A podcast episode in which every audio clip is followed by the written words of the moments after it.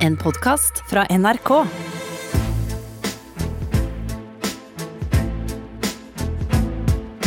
Trump mot verden med Gjermund Eriksen og Sean Henrik Matheson.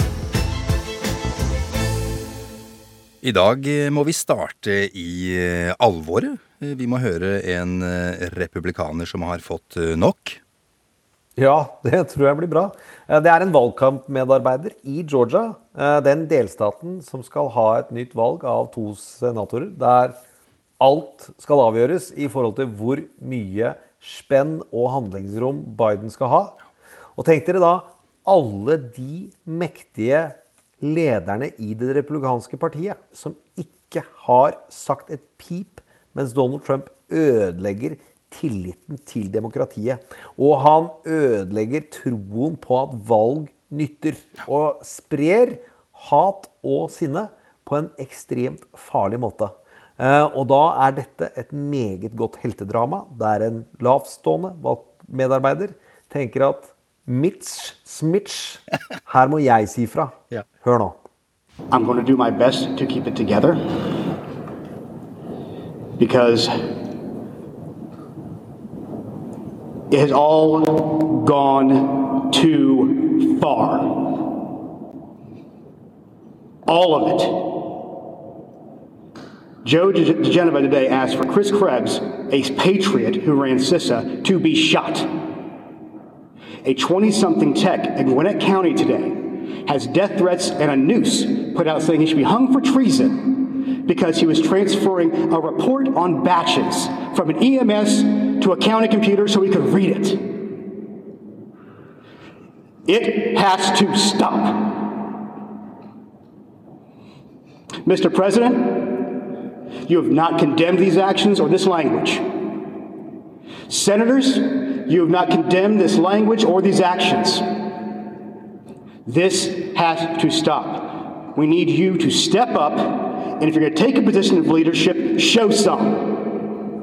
Ja, dette er Gabriel eh, Sterling, en av toppfolka uh, som har med valg å gjøre, altså offisielle valgmedarbeidere der. Han er republikaner i, i Georgia, Gjermund. Vi så han under valgnatta også, der han sto i denne store marmortrappa og ga, fortalte hvilke resultater som hadde kommet inn. Han hadde fått nok nå.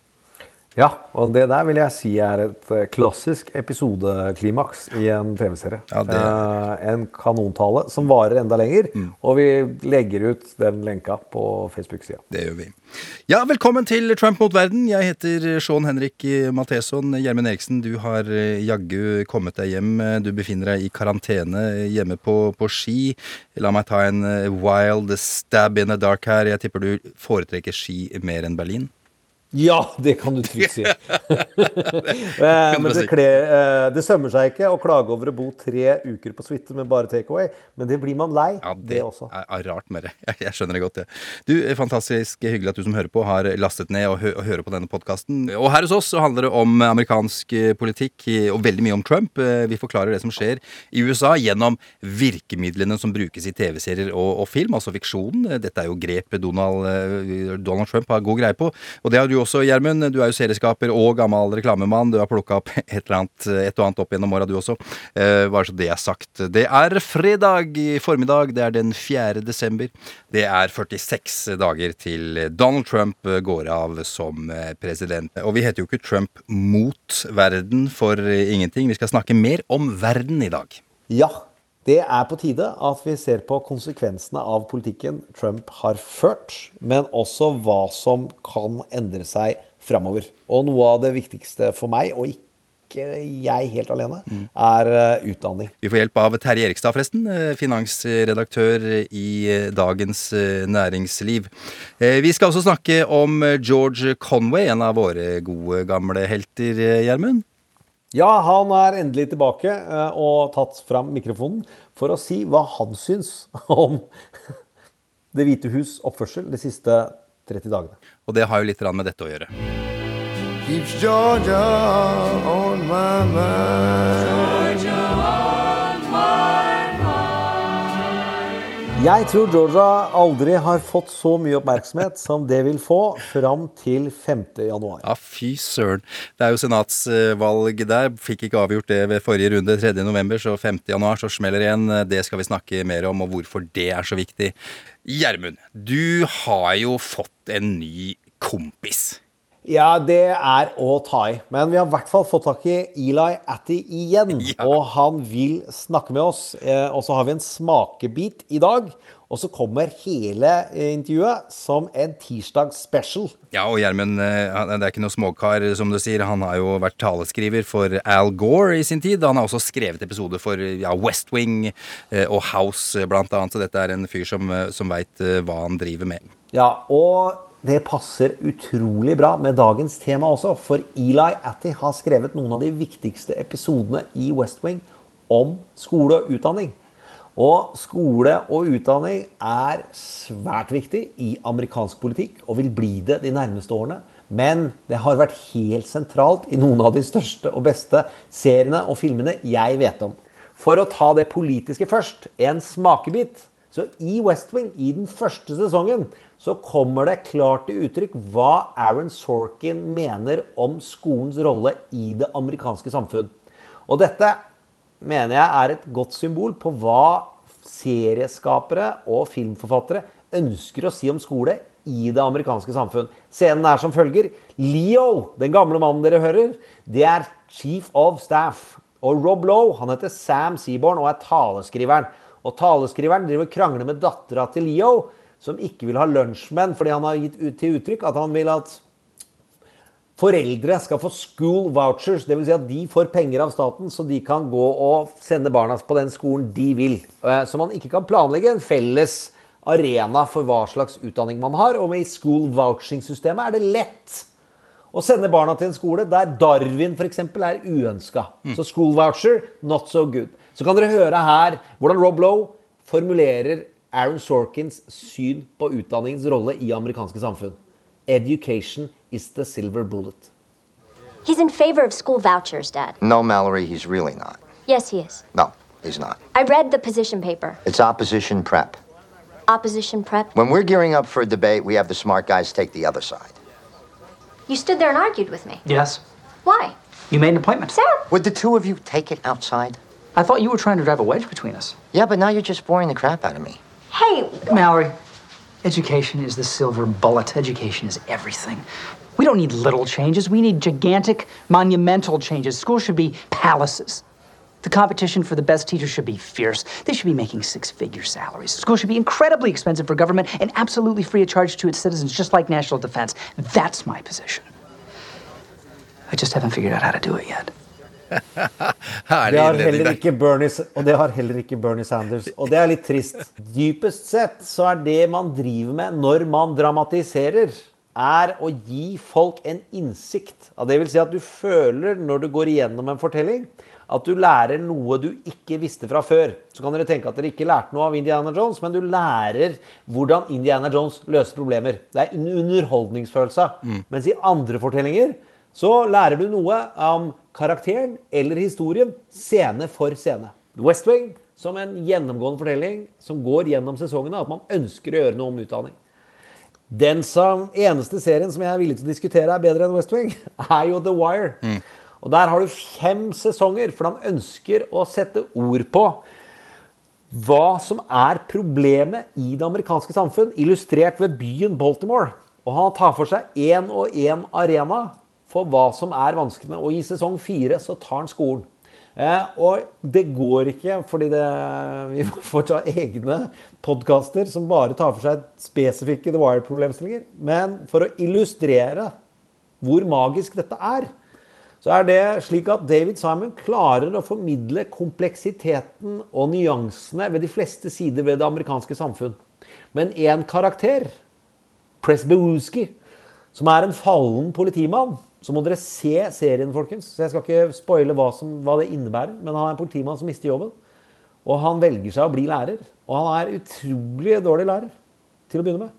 Og så kan vi høre her en scene med Presbewuski, som ikke er full av raketter og eksplosjoner, men det handler om hvordan han snakker med elevene. De må sitte igjen hele klassen fordi de har knust en blyant. eh, Eller en hva heter det, kulepenn, eh, så det er blitt klinet på pulten hans. Og Det er ikke urimelig at da må alle sitte igjen, for han har ikke fått vite hvem det er. Og Så kan du høre hvordan han takler den. Why are you here? Came to say sorry. You know, I didn't mean to get all up in your face like that. I appreciate that, Naaman. It takes courage to admit when you're wrong. What I can't understand, I've seen you in Miss Sampson's class doing your work. Why can't you do the same in here? I mean to, I do. When it's just the evil getting me, and before I know it, I go off. Well, tomorrow we'll see if we can't do better. Can't tomorrow. It's D put me out. I got a bump. Later, Mr. P. If you can wait outside. It's okay, he can stay.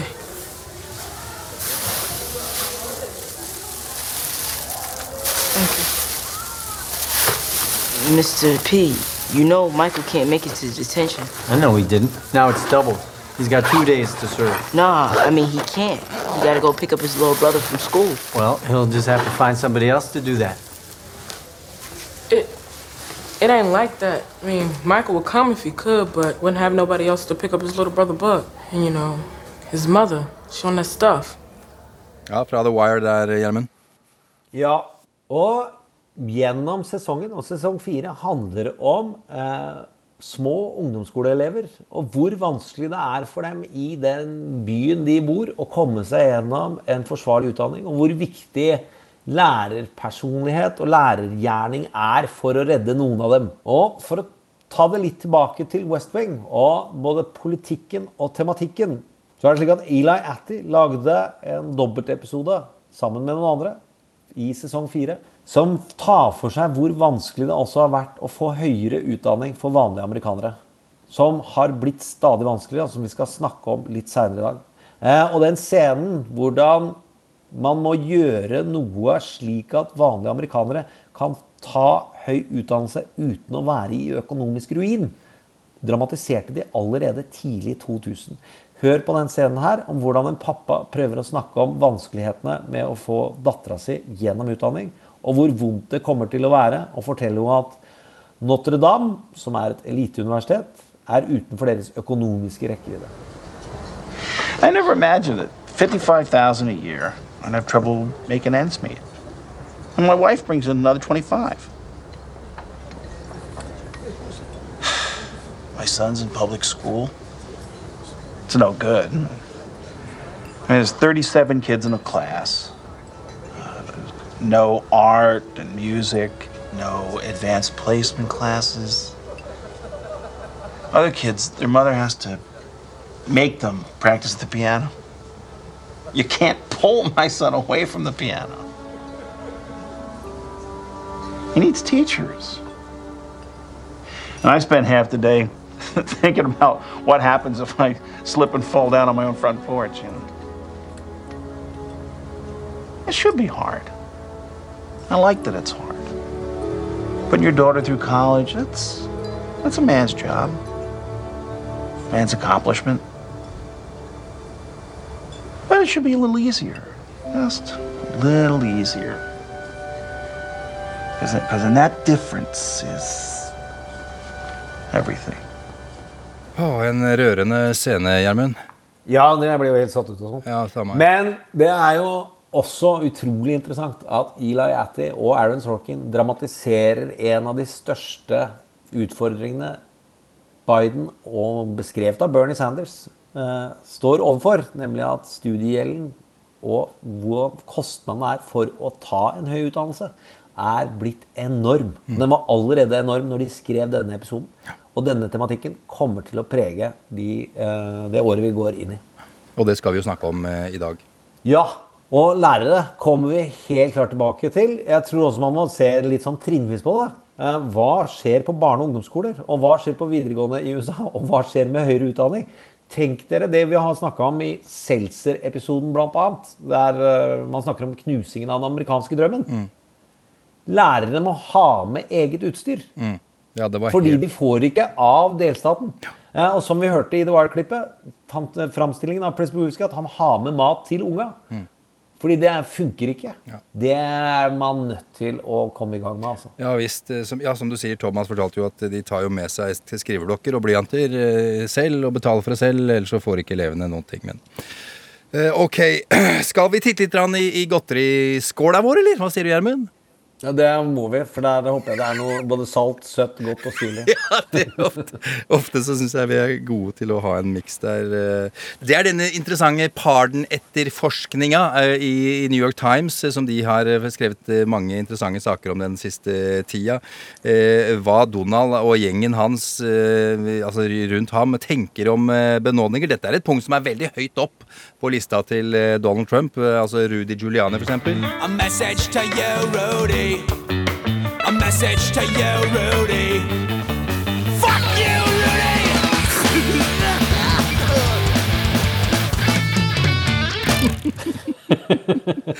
Han får kjørt seg, han- folkens, ikke bli stressa. Han fortjener å få kjørt seg. Ja, ok, det er helt riktig. Han har eksempel høy, eh, tenkt høyt om at han Ja, kanskje jeg kan få en eh, pardon, eh, Mr. President? Er det mulig å få til? Eh, Donald vurderer også å benåde tre av sine fem eh, barn. En såkalt preemptive eh, pardon. Jeg forsøkte å oversette det, og det betyr vel er vel noe sånn som eh, forebyggende benådning, eh, Gjermund? Ja, det var noe rundt Nixon hvor han ble benådet for alle kjente og ukjente gjerninger i sitt embete. Eh, og jeg tror ikke det er framoverskridende, slik at han kan ikke benåde noe for Donald jr. gjør i april. Nei, det, det går ikke. Det får vi håpe i hvert fall at det ikke går. Eh, Det er altså Ivanka, Donald og Erik det gjelder. De to andre barna har vel ikke gjort noe gærent, det får vi tro, da. Bank i bordet. Bank i bordet. Jeg har tro på at Barron har holdt seg unna. Ja, det er bare tro på. på Gut feeling. Stakkars Baron. Jeg har litt uh, soft spot for uh, Barron. Uh, Svigersønn Jared Kushner er også på lista over mulige benådninger, selvfølgelig. De siste par dagene har det også kommet fram at Justisdepartementet etterforsker personer som har visstnok forsøkt å kjøpe seg en pardon. Folk i Det hvite hus skal ha fått tilbud om penger, og dersom de tok imot disse pengene, eh, så skulle de da, eh, disse andre menneskene som tilbyr penger, bli benådet. Ja, det her er grått. Det vil si at det her er veldig vanskelig å se hva som skjedde. Først så virka det som det var Rudy Giuliani sitt kontor som har blitt raida, og nå virker det som om det er advokaten til Kushner, som er en velrespektert og flink advokat, og grisedyr. Men uh, det er en mann som da har fått en dom for skatteunndragelser og etterforskes for noe annet, som har bedt om å få benådning. Så er det utrolig murky territoriet uh, om han har donert penger og så vil ha benådning, og så har han fått ja for det. Da skal Jared og denne advokaten være ganske langt ut på jordet for at det skal ha skjedd helt sånn etter boka, men vi får se. Ja, det ble ikke så mye underholdning i det som jeg trodde, for jeg håpa på at det var Rudy, for han er jo truende til å ha sagt ting på tape Ja, han har tatt opp sjøl. Mens han mobiltelefonen. Mens han har neven nedi buksa. Eh, du, men det, og det er ikke, bare for å si det, det er ikke helt uvanlig, Gjermund, å, å be om å få en benådning heller. Nei, det er veldig mange advokater som tar kontakt på vegne av sine klienter. eh, Fordi dette har amerikanske presidenter hatt fra grunnloven av. eh, Fordi man ønsker vi, kan snakke, vi skal snakke mer og dypere om benådningsstatuttet og, i framtiden, men det er ikke uvanlig at man tar kontakt uh, hvis man har en relasjon. Og Bill Clinton hadde noen omstridte benådninger. Det er jo han som har rekord i hvor omstridt det går an, før Ford benåda, eller etter at Ford benåda Nixon. Ja, ja, ja. Eh, disse de siste nyhetene om etterforskningen fra Justisdepartementet De har jo da holdt på med dette her siden i sommer, eh, viser det seg. Og eh, det er da nylig deklassifiserte dokumenter som forteller om denne eventuelle kjøpet av benådninger. da. Og bare for å si det, eh, Alt dette vi har snakka om nå, eh, har jo Donald selvfølgelig tvitret er fake news. Fake news, fake news, fake news. Ja, Bortsett fra at eh, man har kilder som har sagt det, og Sean Hannity har bedt han benåde seg selv. Det skal vi også komme tilbake til. Vi lover. Ja, Husker du Brad Parscale? Eh, Han hadde jo ansvaret for alt det digitale arbeidet med Trumps kampanje i 2016. Eh, Sosiale medier og alt som foregikk på nettet der. Han hadde det samme ansvaret i 2020, fikk etter hvert sparken. Du husker han kanskje mest fra at han eh, ja, ble hockeytakla av purken utafor huset sitt i Florida for noen måneder siden, Gjermund. Han har i hvert fall nå, etter at han kom seg litt til hektene igjen, ja, etter dette Ja, han hadde det jo åpenbart vanskelig der utenfor huset sitt og alt det der. Han har snakka med Fox News, eh, Gjermund. Eh, langt intervju. Kommer med en rekke oppsiktsvekkende opplysninger, må det kunne gå an å si. Ja, og det er veldig godt drama. For du kan tenke, Her er det en fyr som har vært med på et slag, og han har tapt slaget. Og så har han muligheten til å si det var ikke min skyld. Han skryter veldig av Donald Trump og hans familie. Og han er utrolig rørende opptatt av at Jared Kushner er en fantastisk fyr. Men resten av folka, der kan vi høre hva han sier. I think it's all the D-level people, they're all talking heads that are around the president that never done anything in their life, never created a business, never built anything successful, but talked themselves into something. And I think when the polling numbers were going down, they were in his ear, and I was out working. Ja. Mest interessant er hvordan han sier at Kellyanne Conway hadde ingenting hun skulle ha sagt. Hun har aldri betydd noen ting, så han beskriver at det er han og Jared som er relasjonen. Fordi Kellyan vil nok aldri jobbe med han igjen, mens han har et håp med å ha et videre liv i nærheten av Jared. Og selv om, uh, og selv om Kellyanne Colmay liksom skulle være formann og sjef og, og ha det store ansvaret, så ja, det- hun hadde ikke det. Det var jeg som gjorde det. Det var jeg som gjorde jobben. Eh, For å bli blodfeminist, og det er jeg. Så det er ikke første gangen eh, menn prøver å ta æren for det damer har gjort. Eh, Men morsommere er jo hvordan han prøver å unnskylde at det ble brukt 1 milliard dollar i juni og juli, og det var totally according to plan. Det mener han helt oppriktig, og der sliter han jo med at det var ikke målinger som viste at reklamen han lagde, fungerte. Det han har rett i, det er han sier at Donald Trump, hvis han hadde valgt empati og ikke økonomi i mars og april, og det var vi jo veldig enige med ham om da, da hadde han vunnet valget. Og det har jeg tro på.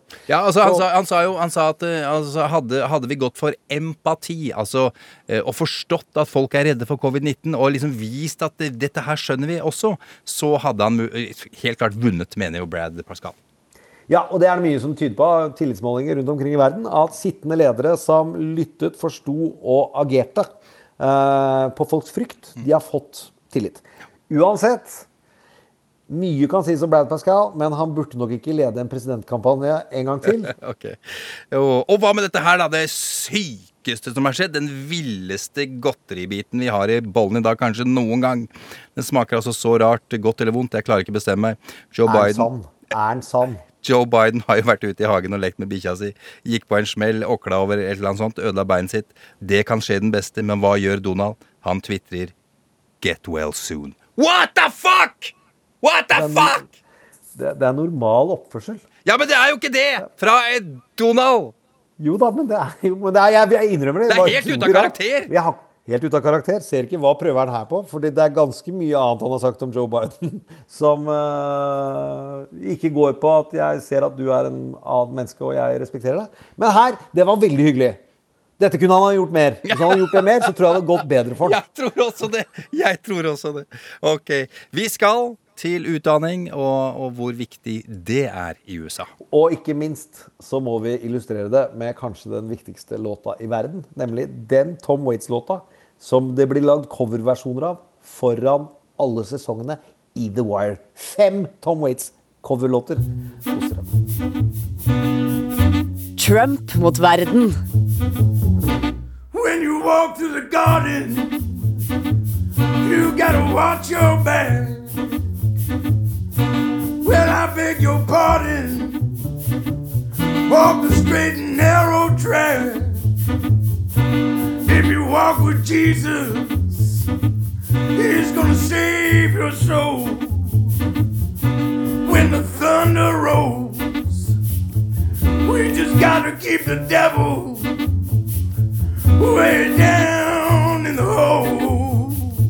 Ja, Da skal vi snakke om noe som gjør at du får tårer i øya, Gjermund. Eh, Utdanning. Eh, og å komme med en rimelig forenkla oppsummering sånn til å begynne med her, bare for å ha det i bånn underveis. Eh, De med utdannelse har en tendens til å, å velge demokratisk. De uten eh, utdannelse har en tendens til å velge republikansk. Eh, Utdanning handler selvfølgelig også mye om penger. Mye penger.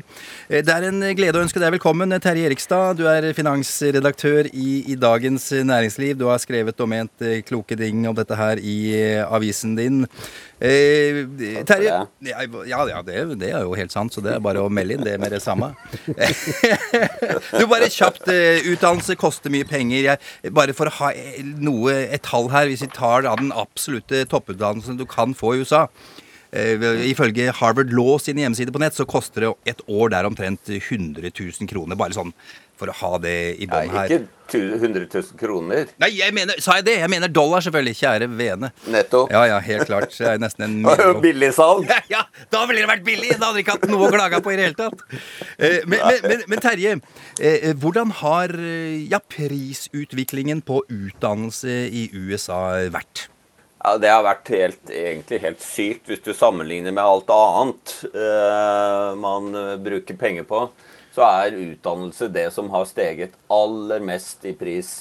Eh, og mer siden 2000 er det mer enn den disponible personlige inntekten til amerikanere. Så rett og slett blitt mye dyrere å skaffe seg en utdannelse i USA enn det har vært tidligere. Ja, for det, Du, du oper, har jo operert med noen tall her. Altså, la oss si at det, det kosta 1 dollar i, i 1959.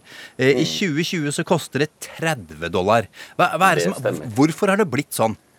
Ja, det er et godt spørsmål. Det, altså det, eh, det er faktisk eh, blitt eh, langt flere som har tatt høy utdannelse på eh, 2000-tallet.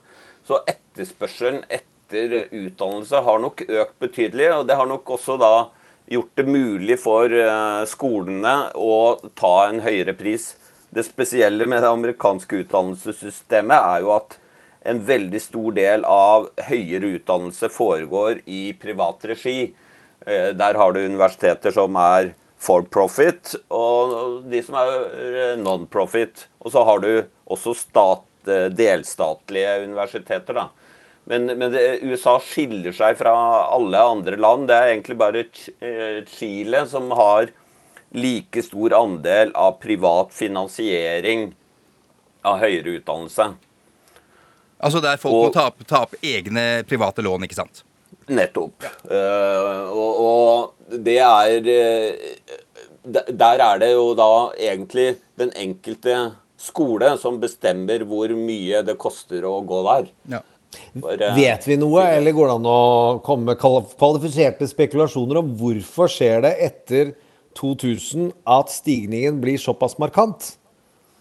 Altså, Det vi ser, er at eh, det er, blir langt flere studenter som eh, tar utdannelse. Og når eh, si, antall skoler er omtrent like eh, mange som det var før, det har, kommet noen flere faktisk, så er det på en måte sånn etterspørselen etter utdannelse stiger. De som tilber det, kan ta høyere eh, priser. Eh, og det har faktisk også vært en, en økning i eh, muligheten for å låne, eh, ta opp studielån. Eh, faktisk både eh, studenter og foreldre eh, har hatt mulighet til å låne eh, via sånn statlige ordninger. Eh, som har gjort at studentgjelden har jo da økt voldsomt. eh, fra 2000 eh, og fram til nå. Det er faktisk den delen av si, amerikansk eh, husholdningers gjeld som har økt mest. Tilbake i 2003 så var det ca. 3% av gjelden var studiegjeld, og nå er det 11 Jeg har noe eh, tall her. Ja, sorry, Terje. Jeg har noe tall her. Er, jeg, jeg, har noe tall her. 42 millioner amerikanere har til sammen 1,6 billioner dollar i, i studiegjeld. Dette er tall fra 2019. Det er voldsomme summer. Det er det. Altså, jeg vil foretrekker å ikke bruke billioner, for det er litt sånn forvirrende. Det er 1600 milliarder dollar. Um, Greit. Og, og, og det, er, det er et sykt stort tall, jeg er helt enig. Det er faktisk den type gjeld som misligholdes i størst grad i USA. Altså Det misligholdes mer enn kredittkortgjeld og bilgjeld. Så det er åpenbart at det er veldig mange som har tatt utdannelse, som sliter med å uh, betjene den studiegjelden de har eh, vært nødt til å ta opp for å finansiere utdannelsen sin. Da. Altså Etter finanskrisen så har eh, antallet studenter gått ned. Og det er nok eh, knytta til eh, rett og slett et, eh, en lang periode med et dårligere arbeidsmarked. Altså hvor, hvor gevinsten ved å ta utdannelse, forventet gevinst, egentlig er mindre enn det den var før. Og så har det jo noe med demografi å gjøre. Altså Etter hvert vil det være bli færre studenter pga. at det er færre i, i eh, kommende årskull. Men jeg tror nok nedgangen nå handler om kombinasjonen av at utdannelse er blitt mye dyrere, og at de økonomiske gevinstene ved å ta det har fremstått som lavere. Ja, for det, Vanligvis, eller fram til nylig, holdt jeg på å si, så, så har det vel eh, vært sånn at eh, tar du høyere utdanning, så har du fire til seks ganger høyere inntekt enn de som ikke har eh, utdanning. Og det er jo ganske voldsomt. Og er det da likevel ikke nok til å kunne betale ned studiegjelda si? Ja, men det, det er veldig godt poeng du har der. Altså, utdannelse Hvis du har en bachelor, eh, fire år på college-universitet, så er det faktisk den viktigste indikatoren for om du har et godt eller et dårlig liv i USA. Altså, det er to økonomer, Angus Deaton og Ann Case, som har eh, skrevet om dette, det de kaller 'death of despair'. Altså hvor eh, særlig hvite, hvor det er amerikanere uten utdannelse, altså som ikke har bachelorgrad, de har en økning i dødelighet som følge av selvmord, eh, og rusmisbruk og alkoholisme.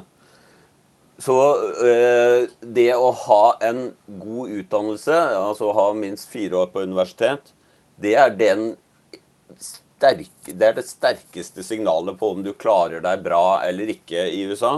Hvis du er rik, eller eh, har klart å ta deg en høy utdannelse og bli rik, så har du det veldig bra i USA. Hvis du ikke klarer det, så har du det veldig dårlig. Eh, sammenligner USA med andre land, så ser de mer ut som et u-land på enkelte områder enn et rikt land. Eh, eh, Terje, bare kjapt her. altså Tilbake til det med all denne studiegjelden som eksisterer. Joe Biden har jo sterke krefter i, partiet sitt som ønsker at, å gjøre ja, utdanningen rimelig, som vi har snakka om, men også slett studiegjeld som en del av krisepakkene som kommer. Er, det, er dette her, er det, med en stor eller liten gjeldssanering, er det politisk mulig i USA, tror du? Altså, eh, jeg må innrømme at jeg vet ikke om, de, om, de, om det er noe som eventuelt Senatet må uh, godkjenne.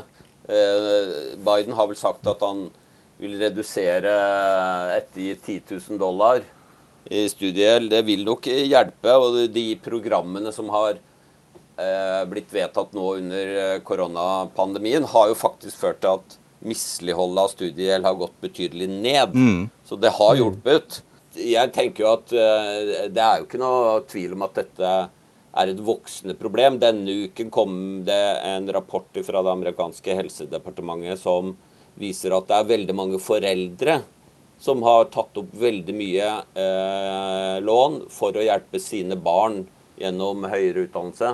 Sånn at når vi har snakket om studiegjeld, så har vi snakket om gjelden som studentene har tatt opp. Men i tillegg er det masse gjeld som foreldrene har tatt opp, eh, som kommer på toppen av dette. Mm. Så det er jo et gigantisk eh, gjeldsproblem eh, amerikanerne har fått nå, som følge av den måten de har valgt å finansiere høyere utdannelse på. da. Skal vi ta et av de enklere spørsmålene til slutt, Sean? Ja, jeg, ja det syns jeg. Ja. Hvordan tror du det amerikanske økonomi står i oktober 2022? Eh, Og vil Joe Biden kapitalisere på en vekst ved å gjenreise økonomien etter koronapandemien? Eller vil eh, han få skylden for at det ikke gikk så bra som forventa? er det et enkelt spørsmål? Det var det enkle spørsmålet! Ja. Enkle spørsmål. Altså, jeg er rimelig sikker på at uh, amerikansk økonomi er i bedre shape i oktober eh, 2022 enn enn den er nå. Det, det som er uh, veldig vanskelig å forutsi, det er jo denne eh, politiske polariseringen. Om, om det er sånn at republikanerne, sånn som de drev på med under Obama, om de er mer opptatt av å blokkere og påføre Biden nederlag, enn om de er opptatt av å få økonomien på fote igjen og stimulere. Eh, Ja. Nå har Biden valgt en finansminister som er meget erfaren, Janet Yellen, og hennes beskjed denne uka var at nå må man virkelig stimulere økonomien, ellers så kommer dette til å bli en selvforsterkende katastrofe. Eh, Sånn at hva, Det er ikke noe tvil om hva hun vil, Men om, om Biden og eh, Yellen får dette gjennom Senatet, eh, det gjenstår å se. Vi, vi får se om de vinner eh, begge eh, plassene i, i Georgia, sånn at de Mm. får kontroll over Senatet òg. Da har de rom for en mer ekspansiv økonomisk politikk, som igjen vil bidra ikke, Det er ikke bare min spådom, men det er liksom uh, IMF og andre, altså Det internasjonale pengefondet og andre, at, at ved å stimulere mer nå, så vil den uh, amerikanske veksten ta seg opp. Setter pris på at du går over til å snakke om Georgia og senatsvalget, for det er nemlig dit vi, vi skal nå. Tusen takk, Terje Erikstad. Eh, Det passer eh, veldig godt eh, å spille The Offspring nå med låta The Kids Aren't All Right.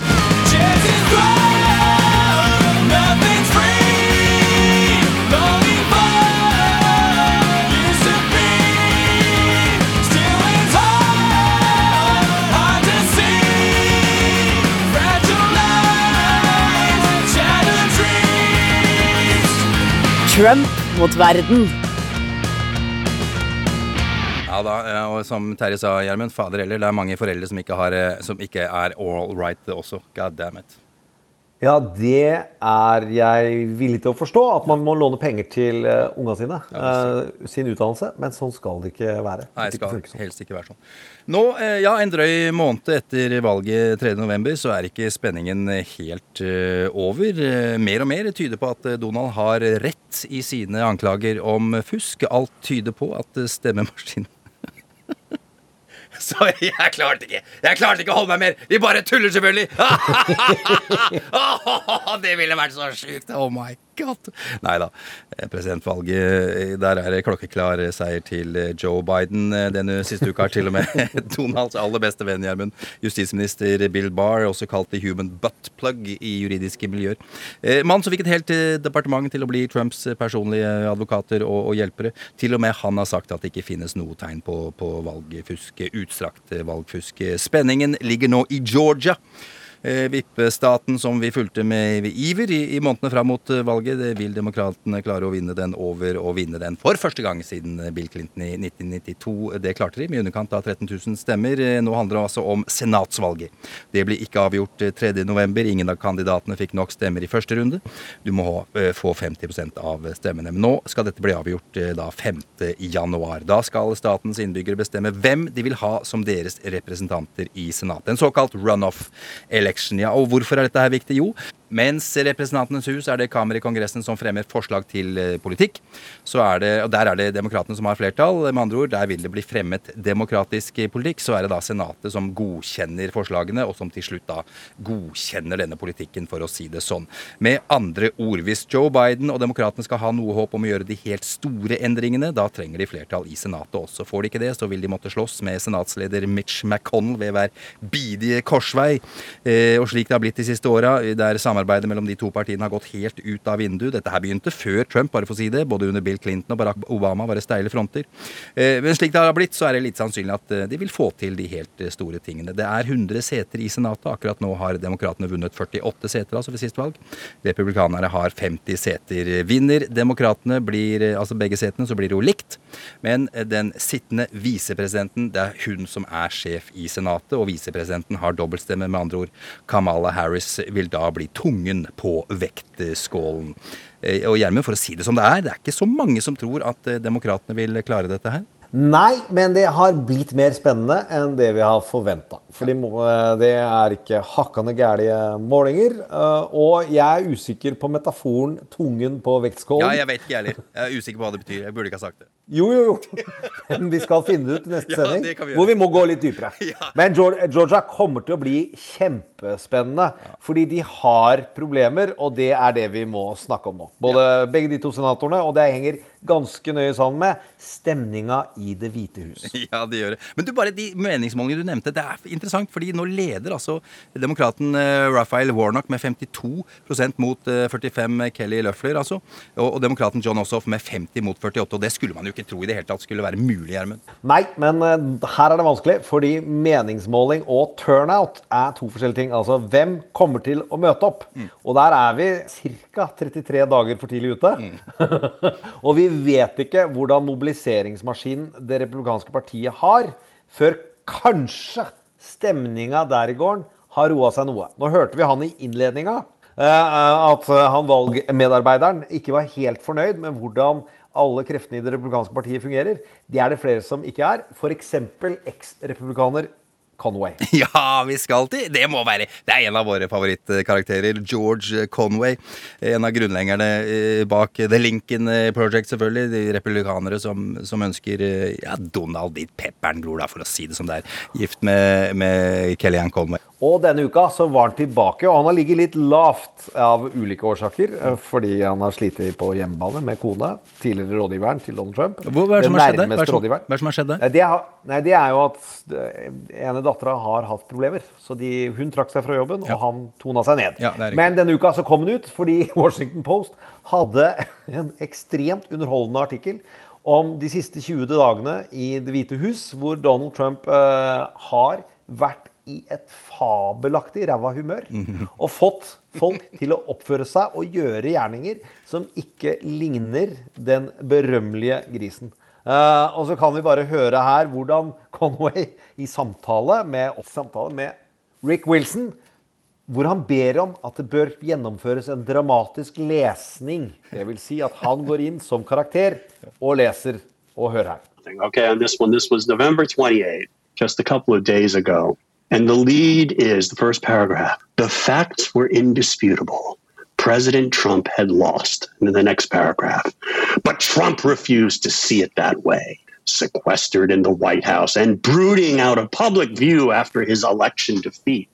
Rageful and at times delirious in a torrent of private conversations. Trump was, in the telling of one close advisor, like Mad King George muttering, I won, I won, I won. Det er vakkert. Ja, og det, men det er også det, dette alvoret da, som både Conway og Wilson og for så vidt Steve Schmidt i en annen podkast, som også er eks-republikaner Dette er den største trusselen mot demokratiet USA har sett siden borgerkrigen. Det er det de drar opp. Og vi har vært ganske avvisende at vi vil se borgerkrig eller borgerkriglignende tilstander. Men her har du en sittende president som prøver å ødelegge og svekke folks tro på det å gå og stemme. Og så har dette konsekvenser for Georgia. For hør her, fra eh, Rachel Maddow Show så kan vi høre en republikaner i Georgia som ikke er helt på linje med han valgkampmedarbeideren vi hørte i starten. eh, og hvor effekten av at Donald Trump har sagt det er et juksevalg, kommer til Hør nå. Do not be fooled twice. This is Georgia. We ain't dumb. We're not going to go vote on January 5th in another machine made by China. You're not going to fool Georgians again. If Kelly Loeffler wants your vote, if David Perdue wants your vote, they've got to earn it. They've got to demand publicly, repeatedly, consistently Brian Kemp call a special session of the Georgia legislature, and if they do not do it, if Kelly Loeffler and David Perdue do not do it, they have not earned your vote.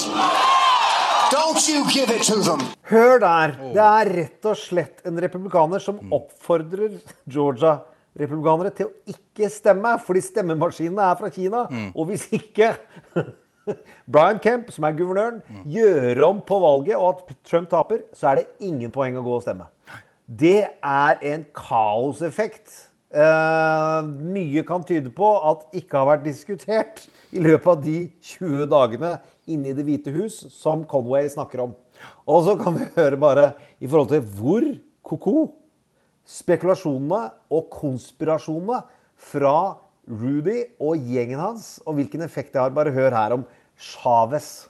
Here's what a Republican official in this story had to say about Giuliani's and Sidney Powell's crazy notion that Hugo Chavez had put in motion this elaborate plan that was effectuated seven years after Chavez's death to steal the election from Donald Trump.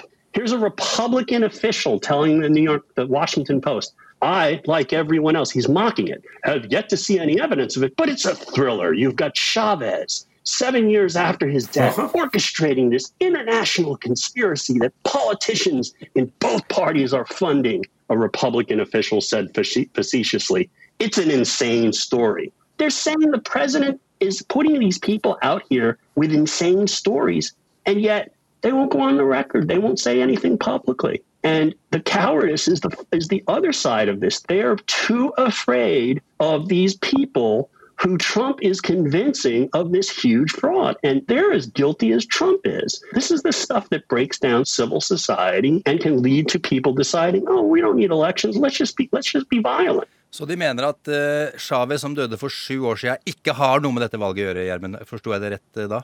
Det har du helt rett i. Og det er jo en Han har oppnevnt én general som også vil oppløse Altså, du har Flynn, som han nå har gitt benådning. Eh, han vil oppløse Grunnloven og mener at Donald Trump skal ta makta ved mm, av seg selv. Altså Det er en av hans rådgivere som han hører på. Og så har du disse menneskene som tror på at Chávez har planta valgmaskiner sju år før hans død.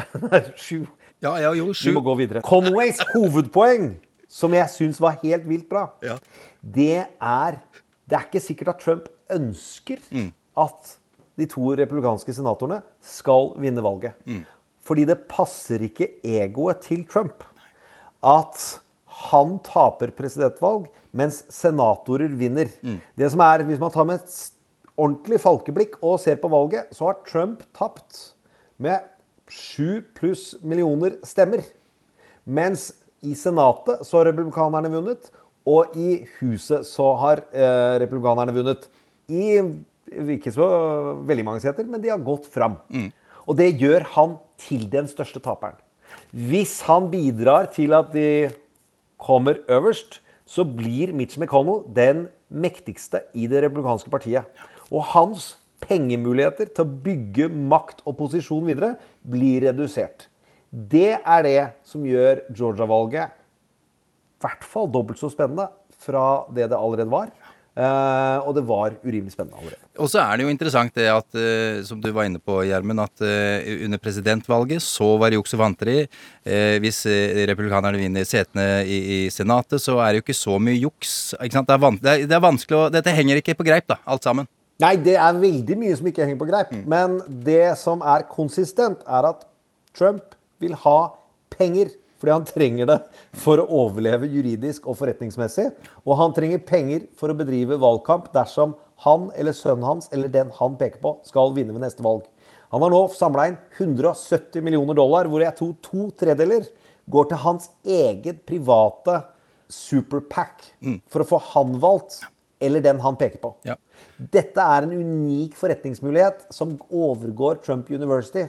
Ja, det er ganske vilt. For å si det sånn. Ja, det er helt vilt. Og eh, noen av disse pengene er det jo mange som spekulerer på også, om eh, rett og slett går til forbruk og holde seg ved Mar-a-Lago og, og helikopter og fly og alt mulig. Og han blir ikke viktigst hvis Mitch McConnell vinner de setene i Georgia. Derfor kjempespennende, og det skal vi komme tilbake til. Ja, det skal vi. Men du, nå skal vi jo til eh, Herregud, du har fått en ny bestevenn, eh, Gjermund. Det er så innmari hyggelig. Jeg syns det er så koselig. Så lenge han ikke snakker norsk, så kan vi omtale han på denne måten. Men det er også bra for ikke bare meg, men for alle eh, her i verden å få klarheten eh, og klartanken fra Eli Atty, West Wing-forfatteren og taleskriveren til eh, Al Gore. For det er en gal verden. I find it hard to tell you, I find it hard to take. Run in circles, it's a very, very mad world. Mad world. Enlarging your world.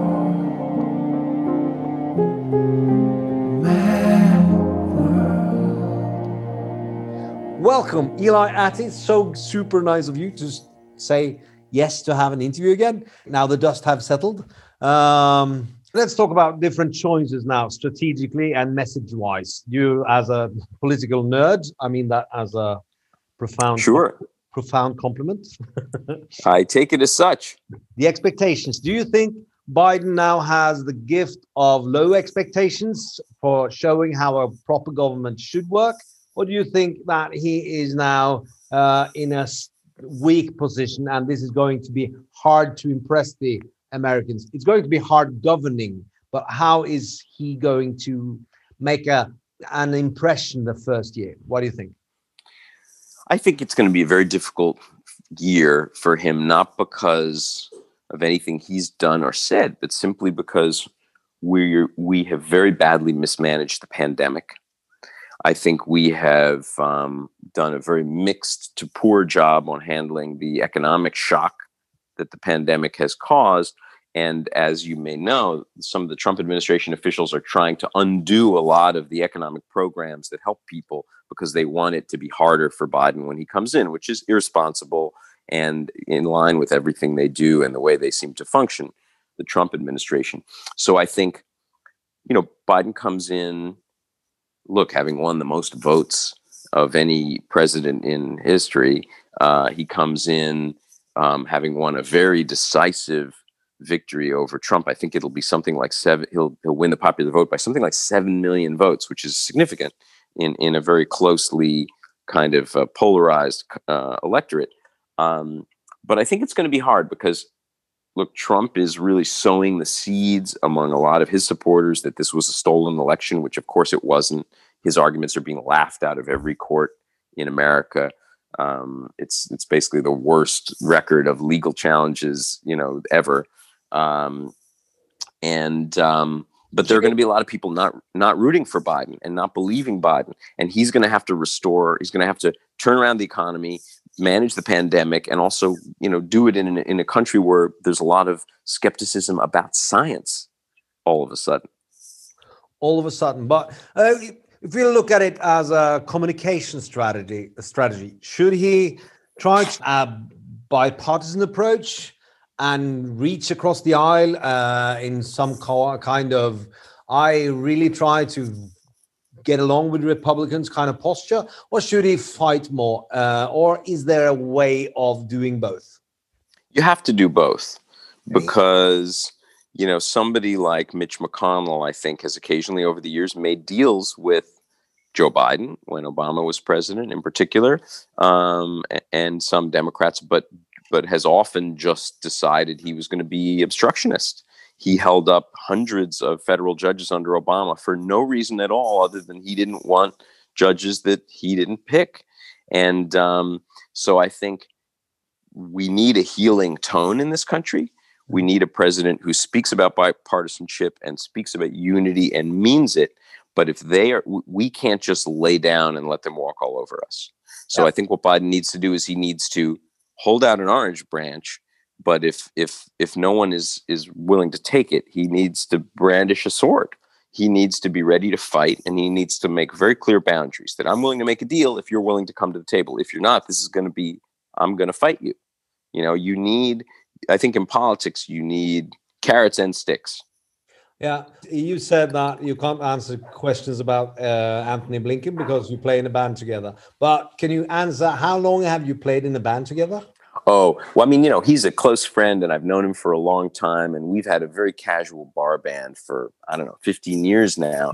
It's more, that it's not that I can't answer questions about him as much as, I, you know, he's going, he's going to go through a confirmation process and I don't want to, you know, he's going to have his, he's going to have his PR issues and things they want to talk about or don't want to talk about. But I will say, I've known him for a long time. He was the best man at my wedding, and I was the best man at his wedding.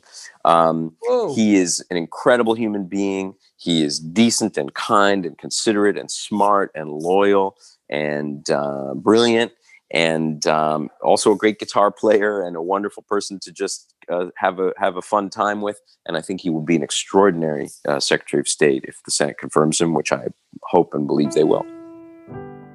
I was dancing when I was twelve. I was dancing when I was twelve. I was dancing when I was out. I was dancing when I was out. Dance myself right out the womb.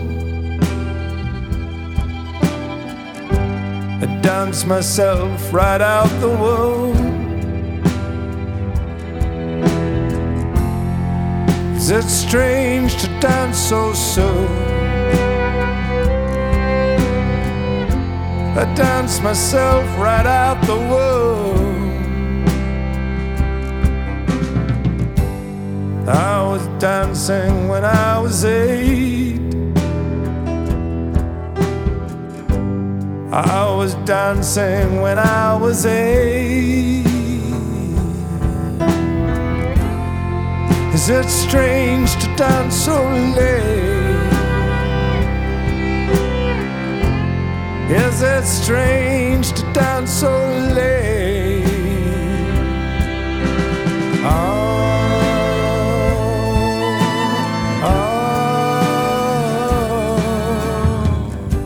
Du har hørt en podkast fra NRK. Hør flere podkaster og din favorittkanal i appen NRK Radio. En podkast fra NRK. Politiet i Drammen har siden i går kveld leita etter ni år gamle Therese Johannessen. Håpet var jo der hele, hele tida, men troen på at hun skulle bli funnet i live, den sank vel etter hvert som tida gikk. Det var ingen som kunne si noen ting. Last ned podkasten Seriesnakk og hør Jenta som forsvant i appen NRK Radio.